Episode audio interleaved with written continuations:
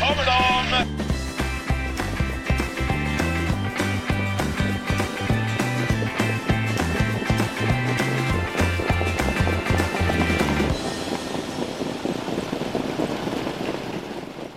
vecka betyder ny eh, V75-podd med mig och Mario Lipovac. Spets och slut inför midsommaromgången på Kalmar som så traditionsenligt går på söndagen så att ingen missar det och sitter och väntar på V75 på lördag utan nu är det söndag som gäller, V75 i Kalmar och det brukar vara rätt så svårt att lira den här, eh, den här omgången. Vi får se hur det blir den här lördagen då, eller den här söndagen. Nu håller jag på att missa det direkt.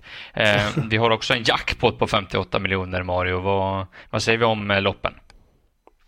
Nej, jag tycker det, den här omgången brukar ju vara ganska rolig och spelvärd. Eh, nu har vi en jätte, jätte favorit som jag tror har en jättechans. Så får vi väl leta skrällar i de andra loppen men typ gulddivisionen tycker jag ser jätteöppen ut. Kalmarsundspokalen där och med de bästa hästarna som har fått lite sämre spår. Och, nej, det kan, det kan ge lite tror jag den här omgången faktiskt. Eh, så att, mm. Trots att vi har en spik som vi, som vi tror väldigt mycket på ska vi säga. Ja, precis. Ju, precis. Som är väldigt hårt betrodd. Men det, mm. det har vi sett på V75 förut att eh, de stora favoriterna kan vinna och att det blir bra utdelning ändå. Så det är väl det vad som händer i de övriga loppen som styr lite grann där. Men ehm, mm. Vi kommer dit lite senare. Innan vi drar igång eh, analyserna av V75-omgången på Kalmar så säger vi att vi gör den här podcasten i samarbete med travklubben.se. Via travklubben.se kan man andelsspela med några av Sveriges bästa travspelare. Så söker du andelsspel på V86, V75 och Grand Slam 75 så kan du gå in och läsa mer på travklubben.se. Det är jag som har hand om V751 då. Eh, den här veckan. Vi har bromsdivisionen över 2140 meter med voltstart.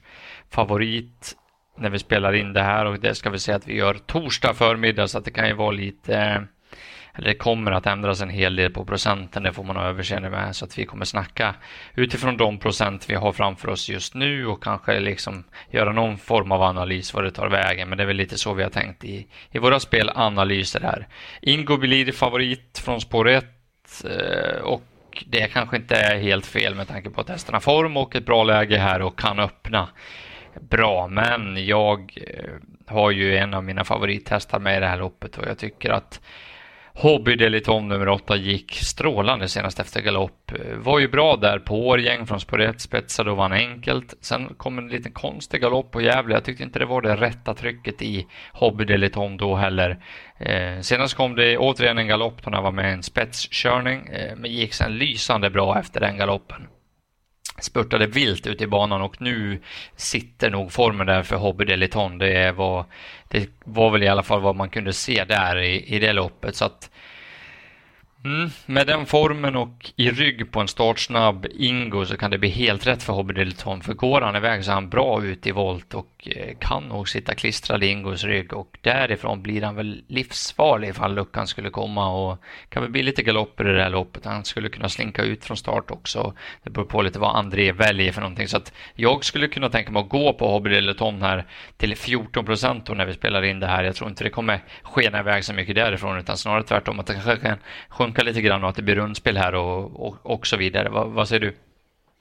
Nej men jag eh, kan köpa det alltså. Jag, mina, min första häst är ändå Ingo, det måste jag ju säga för att han eh, sitter förmodligen spets och har toppform.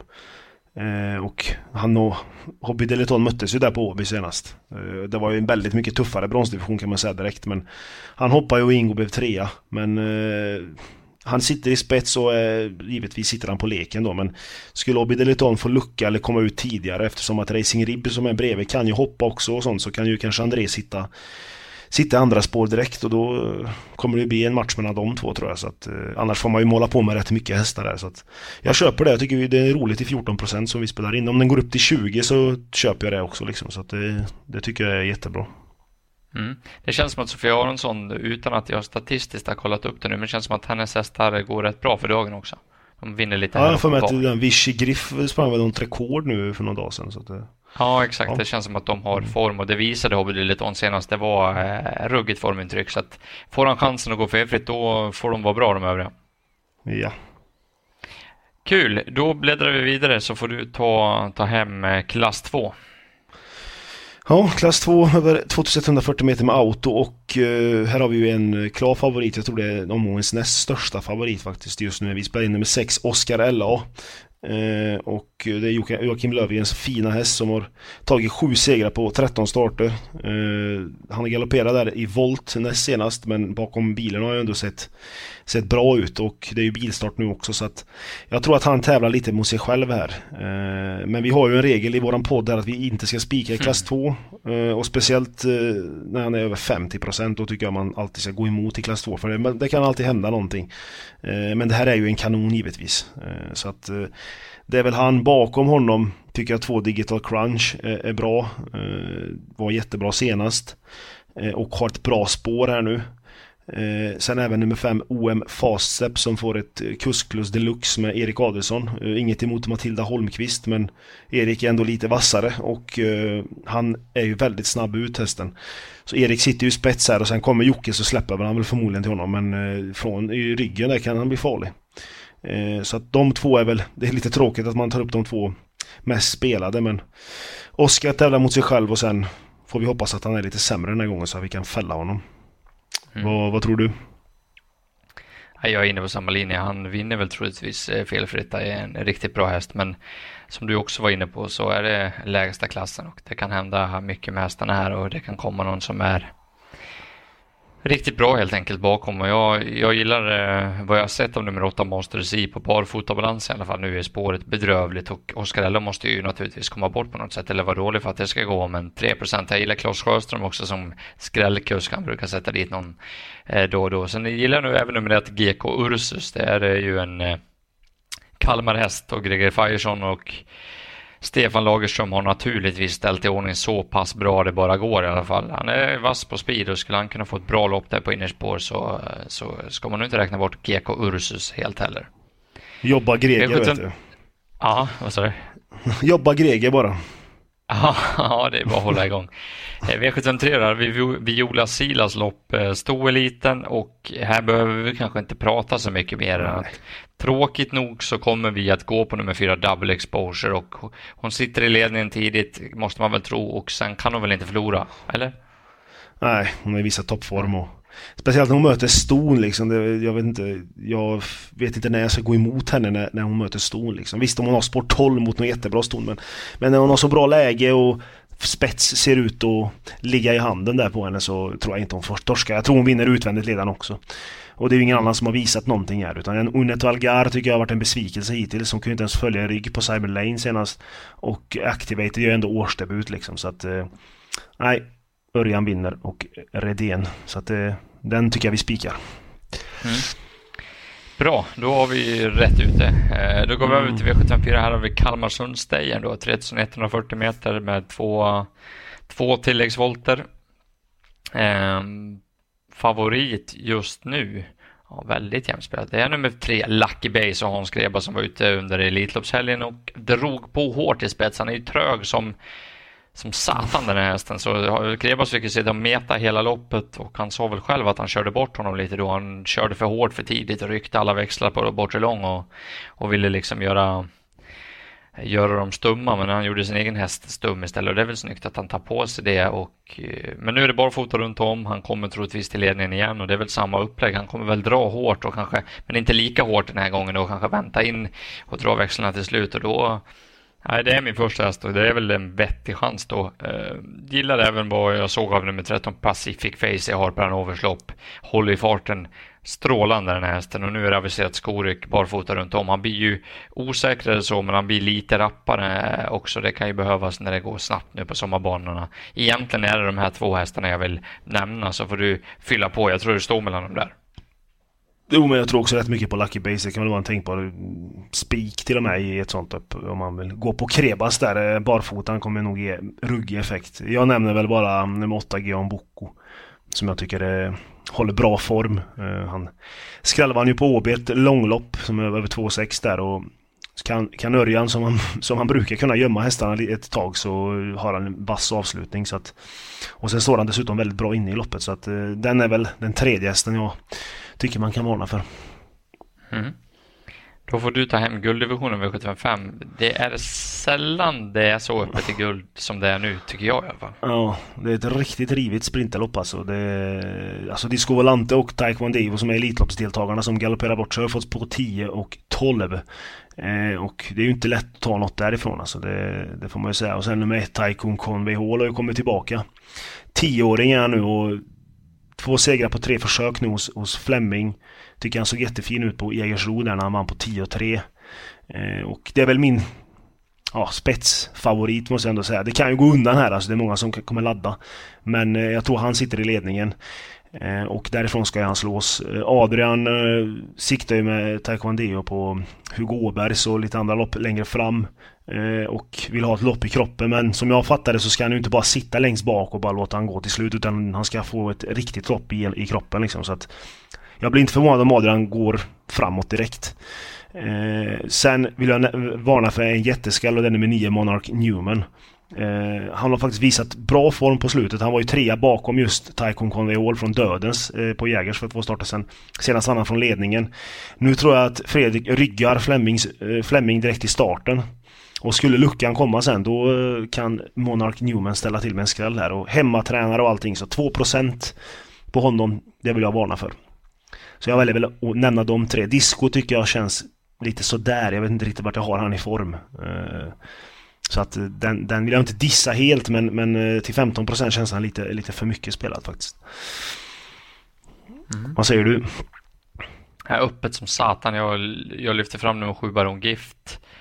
Eh, ska nog vara lite mer än 6 tycker jag ändå trots läget. Han är kvick ut och kommer nog testas framåt. 8 Step in Space Boy var ju bra eh, Elitloppshelgen. Eh, Vimpal kommer nog också vara offensiv här. Det tror jag gick ju 10 och 4 där på, på Valla. Det fanns väl kanske lite kvar till och med. Eh, Såg slagen ut i sista sväng men stack ju undan på ett bra sätt. Så att den ska väl inte vara 2% på den formen liksom. Visst läget men ja, det känns i underkant. Och sen 11 Esprit Sisu som jag tycker har sett eh, ruggigt fin ut i biken. Han hoppar där uppe på Solänget då var det inte den, det felet utan sen satt han ju fast med allt där på Boden eh, senast såg riktigt eh, kaxig ut. Det är väl inte rätt distans egentligen kanske redan eh, nu för precis men han har ju visat att han kan springa fort och det är en sån där som skulle kunna profitera om det blir alldeles för tokigt kört här med för högt tempo. 5 procent. Ja, här vädrar vi ju verkligen skräll alltså. Ja. P76 då, kan vi få en skräll där? Ja, det, det, kan vi få tror jag. Eh, det, det, silverdivisionen över 2-1 kan vi säga. Men det är tre hästar som sticker ut. 3, 4 och 9. Och 4 Man Network var ju jättefin eh, senast i finalen. Han, med biken på och så bara rusar han undan i spets. Men den här gången Helvete tror jag han bra. kan... Ja, men den här gången tror jag han får svar alltså. Jag tror Hill Street öppnar väldigt bra och jag tror inte Örjan bara släpper spets där utan eh, det kan bli lite jobbigt för Man Network och då kittlar det och garderar lite här. Eh, nio Falco gillar vi ju. Eh, hoppas att de kan räffa in han som, som vi har nämnt förut. Eh, och eh, han, han fick ju ett väldigt tufft lopp senast. Eh, och näst senast i finalen hade han ju ett omöjligt spår men gick ändå bra liksom.